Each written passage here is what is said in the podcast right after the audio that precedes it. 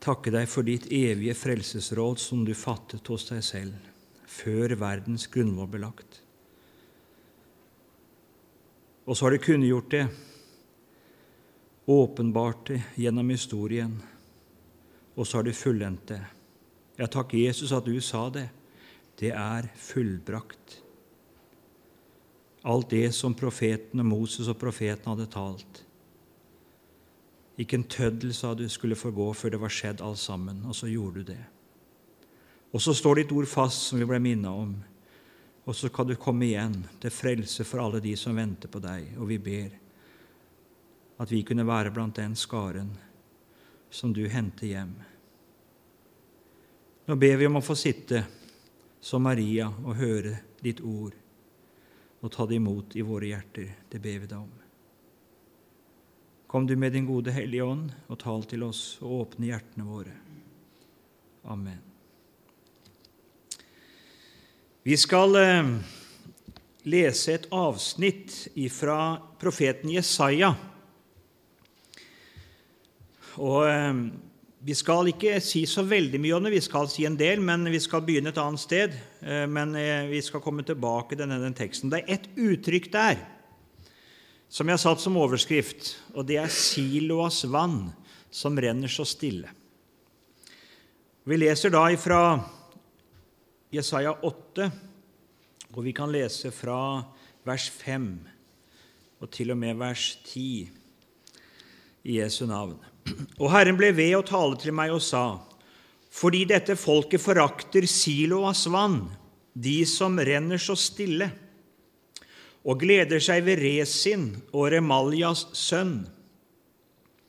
Se, derfor fører Herren over dem elvens vann, de mektige og store, Assurs konge og all hans herlighet. Og elven stiger over alle sine løp og går over alle sine bredder. Den trenger inn i Juda, skyller over og velter fram, og når folk like til halsen. Dens utspengte vinger fyller ditt land, som vidt som det er, Immanuel. Larm, dere folkeslag, dere skal bli forferdet, og hør, alle jordens land langt borte, rust dere. Dere skal bli forferdet, ja, rust dere, dere skal bli forferdet. Legg opp råd. Det skal bli gjort til intet. Tal et ord. Det skal ikke skje for med oss er Gud. Fra evighet av, sier Bibelen, så har Gud fattet sitt frelsesråd. Og Det består i det at han skulle sende sin sønn til verden som frelser. Og alt på syndefallets dag, når menneskene hadde vendt seg bort ifra Gud i troløshet, så forkynner Gud sitt frelsesråd. Kvinnens ett, sier han, skal knuse slangens hode. Og Det ser ut for meg at Adam han trodde dette. Han frydet seg over det. Han som hadde sagt ja, til kvinnen som du gav meg, han, liksom han, hun var det. Og ville nesten vist henne fra seg. Når Gud sier dette om kvinnen, så endrer han syn seg på kvinnen, og så sier han det. Hun skal hete Eva. Det skulle stått på norsk. Hun skal hete Liv. For det er det ordet betyr. For Gud hadde knytta løftet om liv og frelse midt inn i syndens verden, i dødens og dommens verden. Da hadde Gud talt om frelse ved kvinnens ett. Og De hadde nok gjort erfaring, Adam og Eva, eller gjorde det nå, i tiden som kom, av synden og dens krefter, at de ikke klarte å stå imot den. Kjente seg maktesløse, og så kommer den tanke opp i det at hvis noen skal kunne seire over synden, så må det være Gud selv som gjør det. Det er for sterkt for oss, det er for vanskelig for oss. Også når Eva blir med barn og føder en sønn, så sier hun det når Kain blir født. 'Jeg har fått en mann, Herren', sier hun. Ved Herren står det kanskje oversatt hos oss, men det kan oversettes 'Jeg har fått en mann, Herren'. Hun tenker det at det må være Herren selv som skal komme. Nå var det ikke Kain. Det var ikke sånn. Men hun trodde løftet. Det skjønner vi. Så går tiden, synden den blir enerådende, mer eller mindre enerådende på jorden. Det er bare en liten flokk av troende. Vi hørte om Enok til åpning i går. En som vandret med Gud og forkynte om dommen som skulle komme. Han får sønnen Metusala, han får Lamek. Og så blir det så mørkt, og det er så få igjen. Og så tenker Lamek nå, nå må han komme, han som Gud har lovet. Og når han får en sønn, så sier han at han han skal trøste oss. Han skal bringe oss hvile. Det er det Noah betyr. Det betyr både trøst og hvile. Det var ikke Noah, men vi ser det at de tror på løftet og henger fast ved det. Noah var et forbilde i sin tid. Og så går tiden etter vannflommen, og det mørkner igjen på jord. Og så kaller Gud Abraham midt ut av hedenskapet og gir han et veldig løfte. I deg, sier Gud, i deg skal alle jordens slekter velsignes. Abraham blir stående der og skille menneskeslekten. De som forbanner deg, de vil jeg forbanne, eller den vil jeg forbanne. De som velsigner deg, de vil jeg velsigne. Og Abraham har undret seg. Hva er det Gud har kalt meg til? Hva skal jeg gjøre som får en sånn betydning? for alle jordens slekter. Den jord som Gud har forbannet, den som ligger underlagt synden, døden og dommen, hva skal jeg gjøre? Hva er det Gud har tenkt? Hvordan kan jeg få en sånn betydning? Og hvordan kan forholdet til meg være så avgjørende? Så får han en dag en sønn som Gud har lovet. Han får ham på så underfullt vis. Han er 100 år. Sara er 90. Og så gjentar Gud sitt løfte og sier at i din ett, i denne etten, så vil jeg velsigne. Og så en dag lyder det, ta nå din sønn, din eneste, han som du har så kjær, Isak, og ofre han som brennoffer. Og jeg er overbevist om at Abraham, han tenkte det. Nå er dagen kommet. Det var dette Gud kalte meg til. Det var derfor han hentet meg ut og plasserte meg her. Det er til dette han har kalt meg.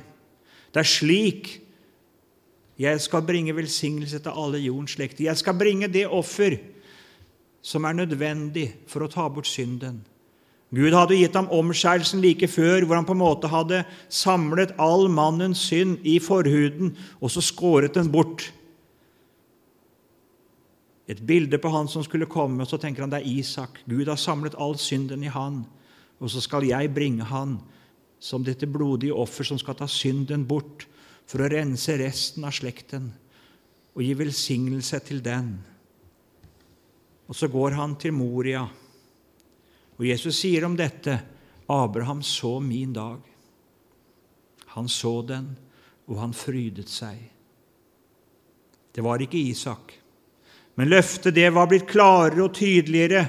Det var en Abrahams sønn som Gud hadde hatt i tankene. Det var han som var løftesønnen. Og Gud, sier Abraham, det blir et ord som går etterpå. Han skal la seg se på dette berget, på Moriaberget. Der skal han la seg se.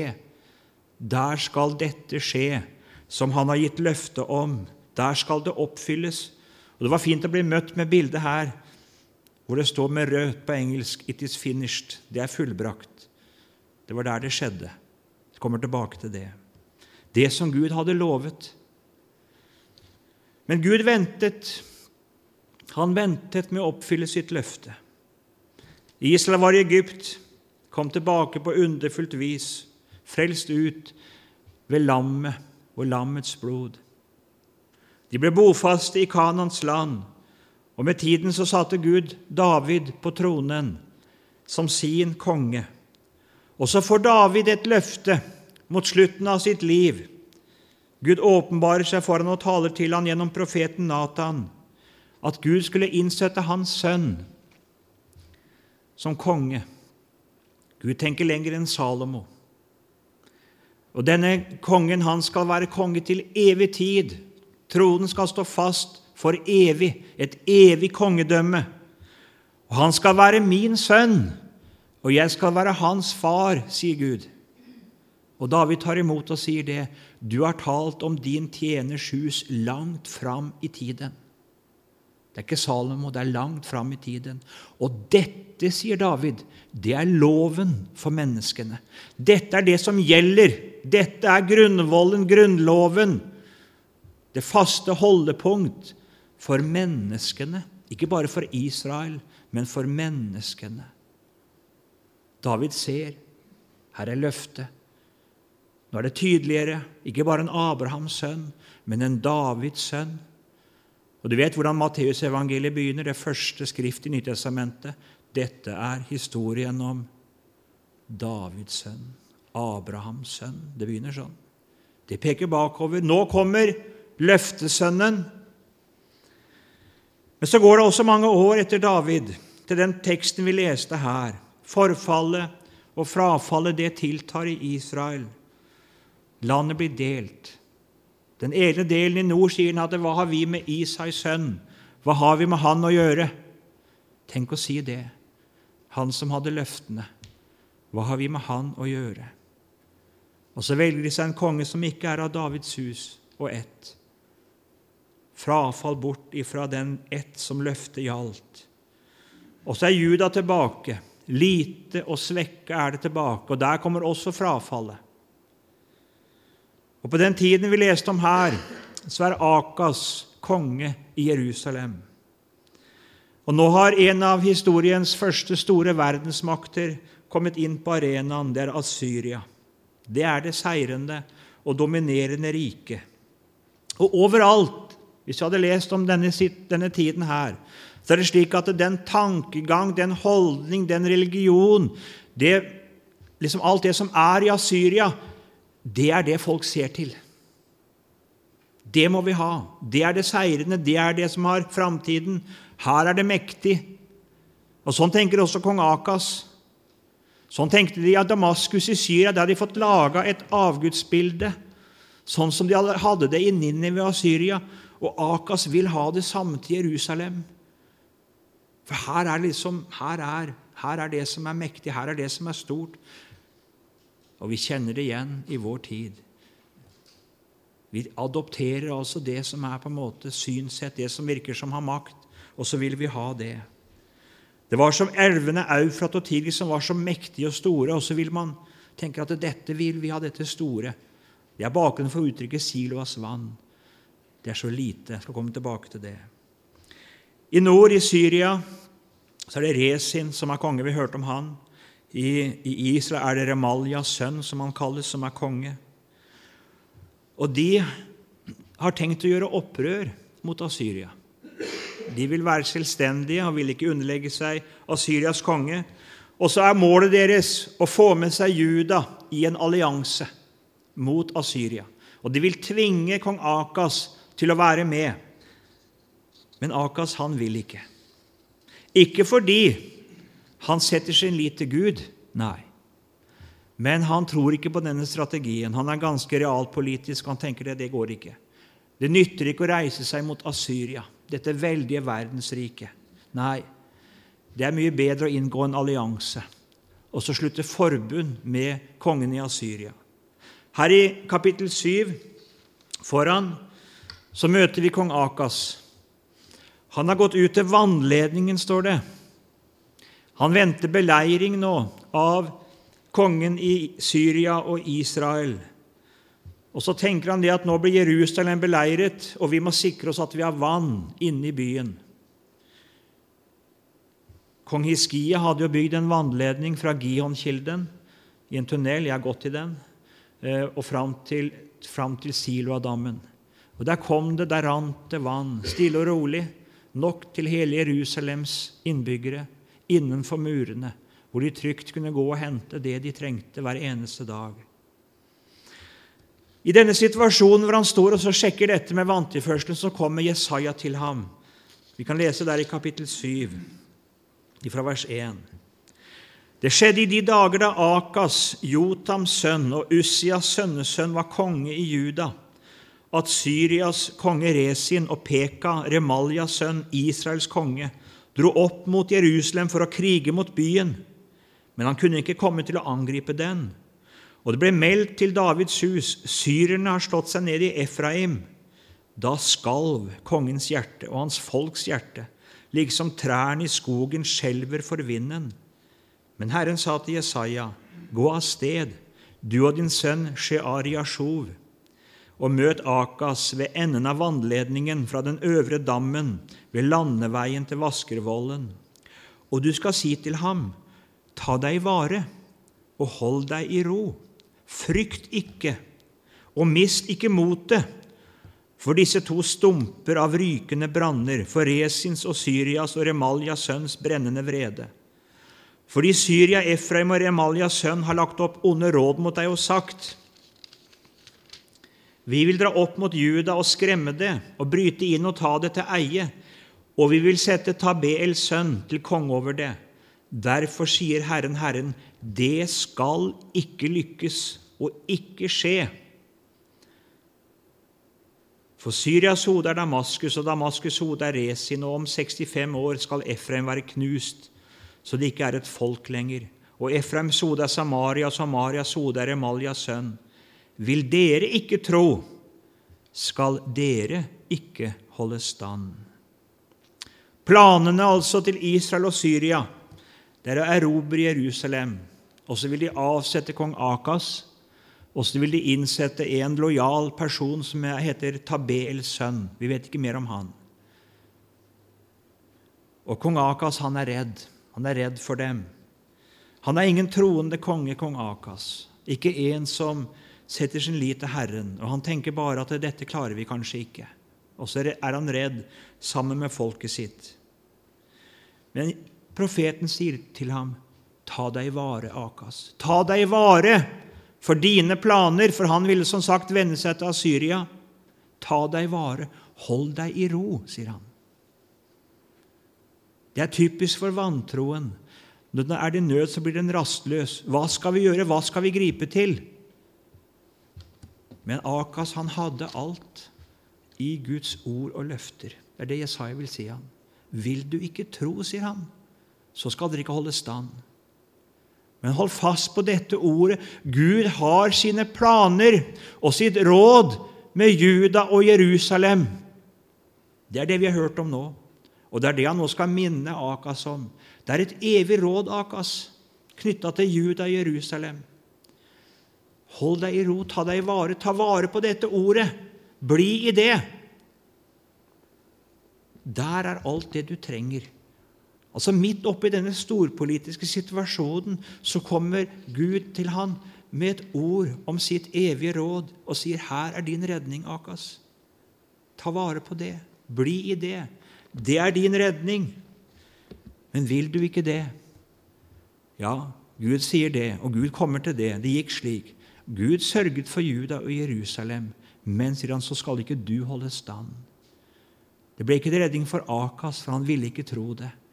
Men Gud holdt sitt råd for Juda og Jerusalem. Og så ber profeten kong Akas og sier det. Nå kan du be, om et, be om et tegn. I det høye eller det dype, hva som du vil. Et tegn på at Herren vil være med Juda og Jerusalem. Men Akas han prøver på en måte å avslå det på en høflig måte og tilsynelatende troende nei, han vil ikke friste Herren, han vil ikke, vil ikke gjøre det. Saken er den at Akas vil ikke ha noe tegn, for han vil ikke tro på Gud. Han vil ikke bindes opp til å regne med Herren. Han har sitt eget råd. Han vil gå til Asyria. Og så sier Jesaja det, at Herren skal gi deg et tegn likevel. Og nå kommer dette gamle løftet, ikke sant? Se, en jomfru skal bli med barn. Hun skal føde en sønn, og, du, og, og gi ham navnet Immanuel. Gud hos oss. Gud midt iblant oss. Det er det gamle løftet fra syndefallets dag som skal virkeliggjøres her i Juda. Det er tegnet. Det skal du regne med, Akas. At for dette løftets skyld så vil jeg våke over denne byen, over dette folket, for det vil jeg fullbyrde. Det er det Gud vil si til Akas. Sett din lit til det. Dette ordet står fast, Og vil du holde fast på det, så skal du stå fast. Det er saken. Nå var det masse krigsplaner i landene omkring. Syria hadde det, Israel hadde det. Assyria hadde sine planer om krig, å legge verden under seg. Og alt bak alt dette, sånn skal vi se det i Guds perspektiv, så er det den gamle slange som har som råd å nettopp å hindre dette barnet å bli født. Du kan lese om det i Åpenbaringen 12. ikke sant? Slangen som er ute, ute etter å drepe guttebarnet som skulle bli født. Og så sier Gud om disse planene, om folkeslagenes planer, om Syrias planer, Israels planer, Assyrias planer Larm, dere folkeslag! Dere skal bli forferdet. Det leste vi ikke sant? Og hør alle jordens land langt borte. Rust dere! Bare sett i gang! Kom igjen! Samle folk før krig. Dere skal bli forferdet. Altså, det kommer ikke til å gå som dere har tenkt. Dere skal få oppleve noe ganske uventet. Rust dere. Legg opp råd. Det skal bli gjort til intet. Slik taler Gud om menneskenes planer, om menneskenes råd, som ser så mektige ut, som ser så veldige ut. Det er bare det at det står ingen Gud bak dem. Det står bare mennesketanker og menneskemakt. Men bak Guds løfter, om det virker så svakt, om det virker så veldig uanselig, bak det så står den evige, allmektige Gud. Det er saken. Menneskelig betrakta så var Eufrat og Tigris, disse veldige elvene, enorme. Og Siloas stille vann som kom fra denne lille, lille Det er så trangt der at det er så vidt jeg Nå er ikke jeg, jeg er jo, ja, men jeg er ikke så stor, er jeg det? Men det er bare så vidt jeg kan få plass i denne lille tunnelen. Og vannet rekker meg ikke til, til liv engang. Det rekker meg bare så vidt og litt opp på låret. Det er så lite. Hva er det mot Eufrat og Tigris? Hva er dette lille vannet som kommer til Siloadammen? Hva er det? Bak det står Gud. Det er det Gud vil si. Dette Siloas vann. Sånn er mitt, mitt ord og mine løfter. Nå hadde det gått lang, lang tid siden han ga løftet, og det var liksom ikke skjedd noe. Og det virka så svakt. Men likevel det skal skje. Det skal skje. Det er forskjellen. Menneskenes råd. De gikk til grunne med Syrias og Israels råd. De fikk ikke tatt Jerusalem. Det gikk galt med Akas sitt råd. Han ville ha hjelp hos Asyrias konge. Det gikk ikke bra. Det ble ingen hjelp, men Assyria han, ble, han måtte lyde Assyrias konge. Det ble til tap og nederlag, dette her. Men det Gud vil si, Akas, mitt råd, det blir ikke til skamme. Det står fast. Det kan se så smått ut, det kan se så svakt ut, men det skal skje. Det skal skje, sier Gud. Det var 3000 år siden Gud første gang over det hadde talt til Adam og Eva. Det var nesten 1500 år siden Gud hadde gjentatt løftet til Abraham. Det var Godt over 200 år, 300 år siden han hadde talt til David om det. Og Det hadde tilsynelatende ikke skjedd så mye, men løftet hadde blitt klarere, det hadde blitt tydeligere. Men Gud hadde så uendelig god tid. Det skulle enda gå 700 år fra dette ble talt. Og så står det i Bibelen vår Det står tre ganger og det skjedde. Og det skjedde. Det kunne se så nytteløst ut. Tenk deg alle disse tusener av år. Men det er noe med Guds. Han sier det. Det skal kjennetegne Hans ord. Han taler om en profet. Hva skal det kjennes på? Jo, at det han sier, går i oppfyllelse. Det skal du kjenne på at Herren har talt. Og så måtte Gud mange ganger og på mange måter tale til fedrene gjennom profetene. Forutsi det. Og så kommer bekreftelsen. at det er Herren som har talt. Det skjedde. Og Legg merke til Nytestamentet hvor ofte det står 'dette skjedde' for at det skulle oppfylles som var talt av Herren gjennom profeten sånn og sånn. Det er kjennetegnet på Guds ord. Det skjer. Han lar ikke ett av sine ord falle til jorden, men det skjer. Men det kan underveis Det kan se så skrøpelig ut. Det kan være så vanskelig å få øye på det.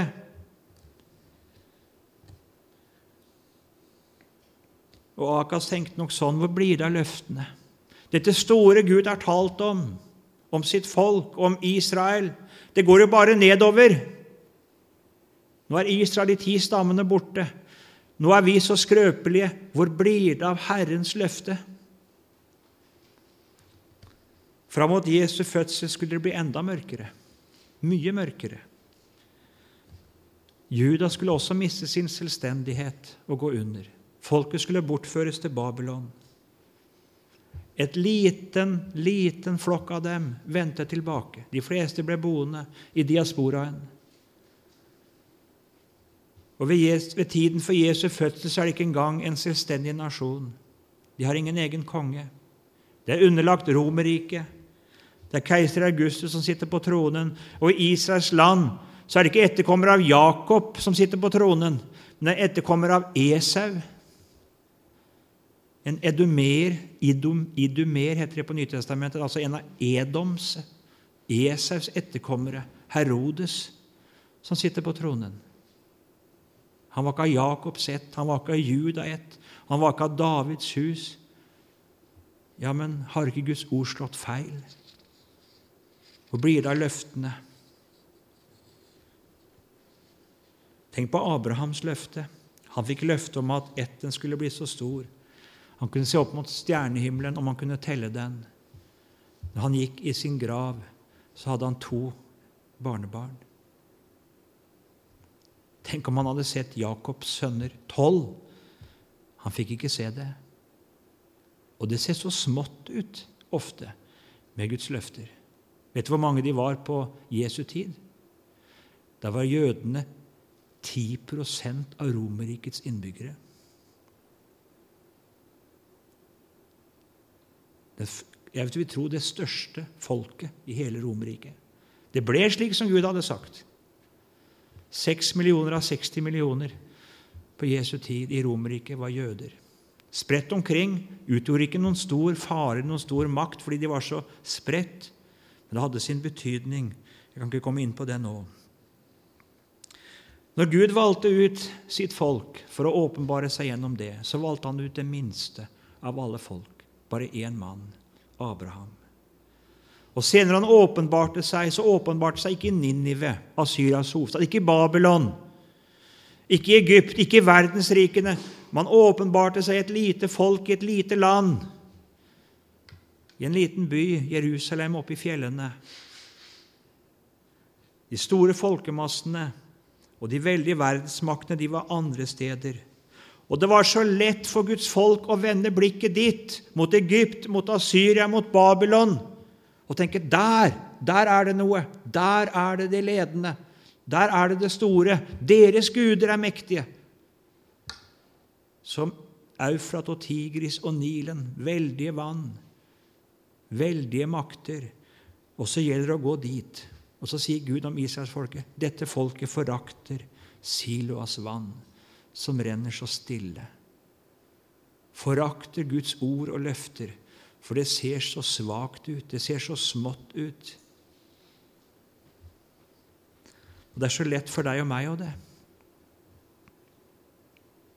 De som hører Gud til, og som holder fast på dette ordet i dag, er det noen stor og seirende og mektig bevegelse? Er det det? Å nei. Det er en liten flokk det ser så skrøpelig ut. Det ser så fattigslig ut. Så samles det tusener her. Nå var det en som var nede i Sverige nå og samla tusener på fotballstadion. Og så møtes det stjerner av ulike slag og samler tusener. Og så tenker vi at det, ja, vi må ha noe av dette. Det som er de seirende tankene i tiden. Det er det vi trenger. For det her, det ser så skrøpelig ut. Det skjer jo ikke noe. Det har ikke noe kraft i seg. Ja, vi fristes til det. Og forakte Siloas vann som renner så stille. Det ser så ynkelig ut, i motsetning til det som skjer i denne verden. Men det er en forskjell. Det er en stor forskjell. Gud sier det om disse andre ting. Legg opp råd, gjør det. Det skal ikke skje. Det skal gå til grunne. Men han sier det om sitt ord. Det skal skje. Det skal skje. Og så kommer det da i Lukas 2, som jeg sa, gjentas tre ganger i det kapittelet, og det skjedde. Hva var det som skjedde? Det var det Gud hadde fattet råd om fra evighet av. Det skjedde. Og det skjedde akkurat slik Gud hadde sagt det skulle skje. I hvert minste detalj så skjedde det slik som Gud hadde sagt det skulle skje. Da det var mest umulig, da det var som mørkest, da skjedde det. Gud holdt sitt ord, og det skjedde. Og Så møter vi likevel noe av det samme ved Jesu fødsel som i Det gamle testamentets tid. Hvem var det det ble åpenbart for at det skjedde? Ikke i palasset i Rom hos keiser Augustus, ikke i verdenshovedstaden, ikke Kverinius, landshøvding i Syrias palass, ikke Herodes etter palass i Jerusalem eller i Cesarea. Nei, men for noen få hyrder ute på Betlehemsmarken. For en Anna og en Simeon som venta på Israels trøst. Noen uanselige mennesker i menneskers øyne, men ikke i Guds øyne. Han hadde skjult det for de vise og forstandige, så hadde han åpenbart det for de umyndige. Slik er han. For de som holdt fast på hans ord, de fikk se det. Det var viktig for Gud at de fikk se det. Og sånn er Gud den samme. Og når Jesus sto fram, så var det den samme skikkelse over han, fattig. Han hadde ikke det han kunne helle hodet sitt til. En liten flokk med ulærde menn. Menneskelig sett, de var ikke ulærde, de var ikke det, men de var legemenn. Hadde ingen autoritet i sin person. De hadde bare dette at de holdt fast på Guds ord. Det var de han samlet rundt seg. Hva slags makt og hva slags kraft var det i det? Jo, det var Siloas vann som renner så stille. Alt i en ringe og fattig skikkelse. Og så sier Jesus til døperen Johannes, når han sitter i fengsel Herodes Antipas, som har fengslet han, og til slutt gjør han et hode kortere. Og Så spør han er du den som skal komme, skal vi vente en annen. Og Så slutter Jesus hilsen med å si, salig er den som ikke tar anstøt av meg. Og det kan jeg si om alt Guds ord. Salig er den som ikke tar anstøt av Guds ord. For det ser menneskelig talt så svakt ut, så skrøpelig ut, så fattigslig ut. Og sånn er det å være et Guds barn i denne verden.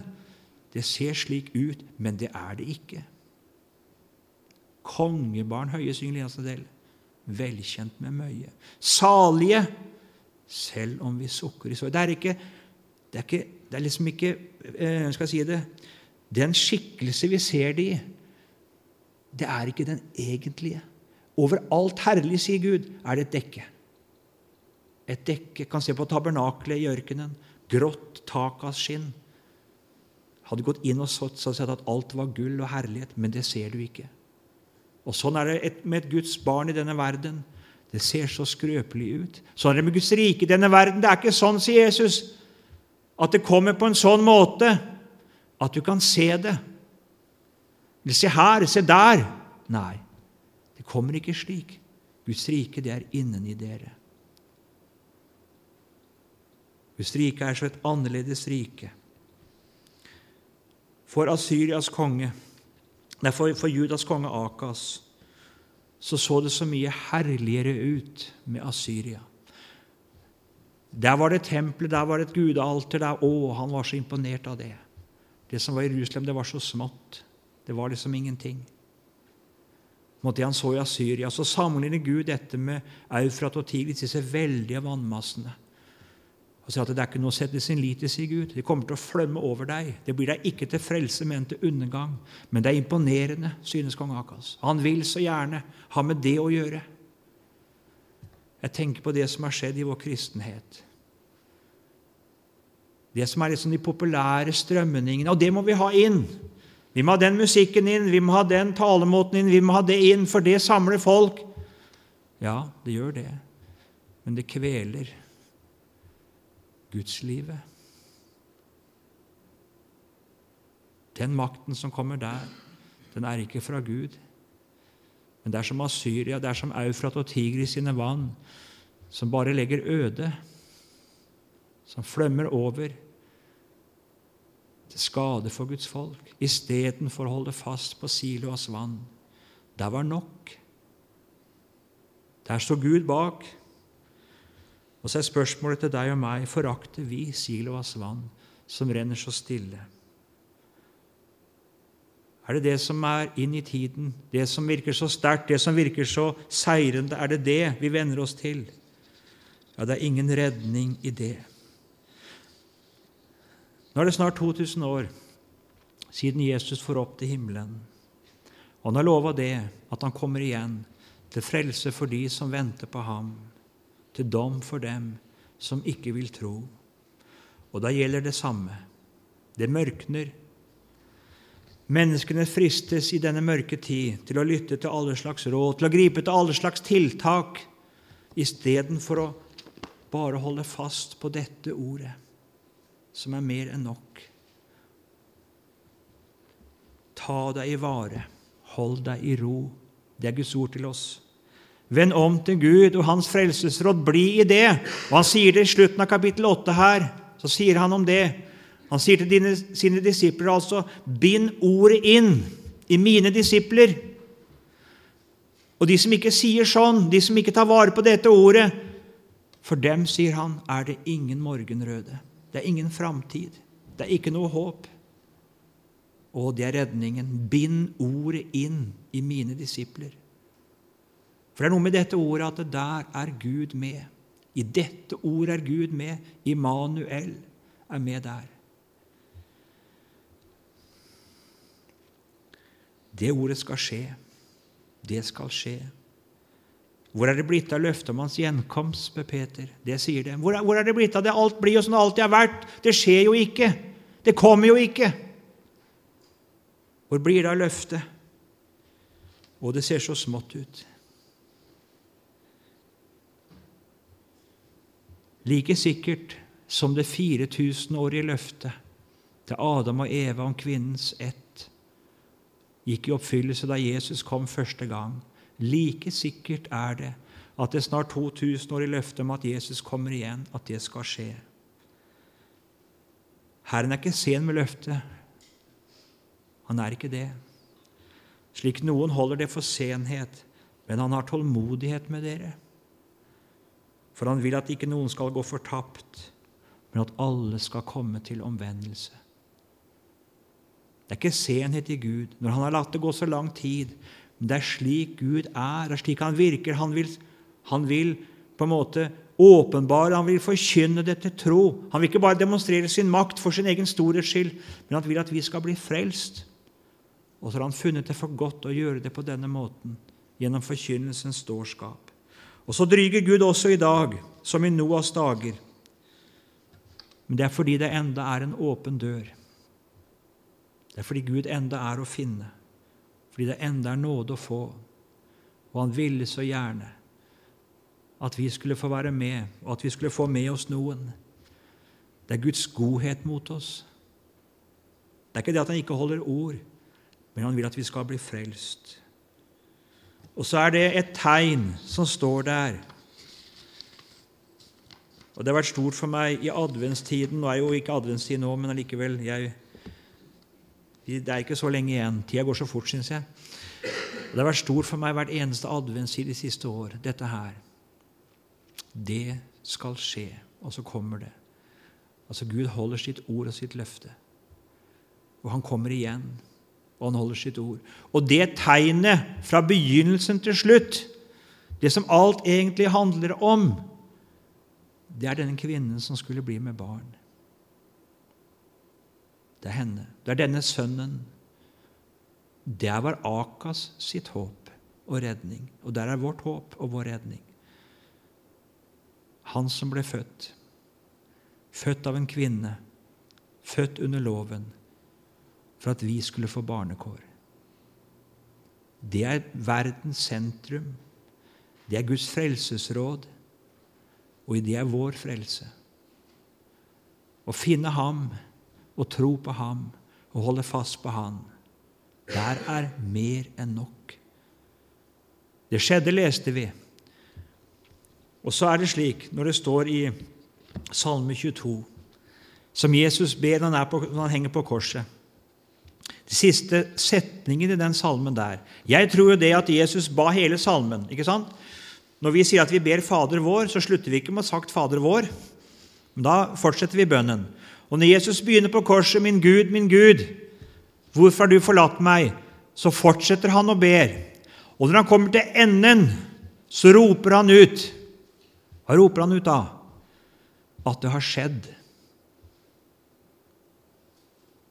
At han har gjort det, ikke sant? Det er det som er oversatt. Det er fullbrakt. Jeg tror det er de samme ordene, at det er Salme 22 siste setning, det er gjort. At han har gjort det. Og så roper Jesus det ut, for det kan også oversettes altså uten ikke i tredjeperson, men, altså, men altså i betydningen det istedenfor han. At det er gjort. Hva da er gjort? Jo, det er gjort som Gud hadde lovet ifra begynnelsen. Det er gjort. Det er skjedd. Gud har holdt ord. Det var det Jesus sa. 'Jeg er ikke kommet for å oppheve, men jeg er kommet for å oppfylle.' Og så ånder han ut, og så sier han det. Det er gjort. Det er fullbrakt. Så det passer å bli møtt med det bildet. It is finished. Det er fullført. Sånn er Gud. Han holder sitt ord, og det er vår redning. Ja, Jesus, vi takker deg at du er til å stole på. Du er Guds løftes ja og amen. Og lær oss å ha det som vår trøst, vårt feste. Det som David sa var loven for menneskene, at det kunne også være det for oss. Den grunnlov i livet vårt. At du har gjort det. Amen.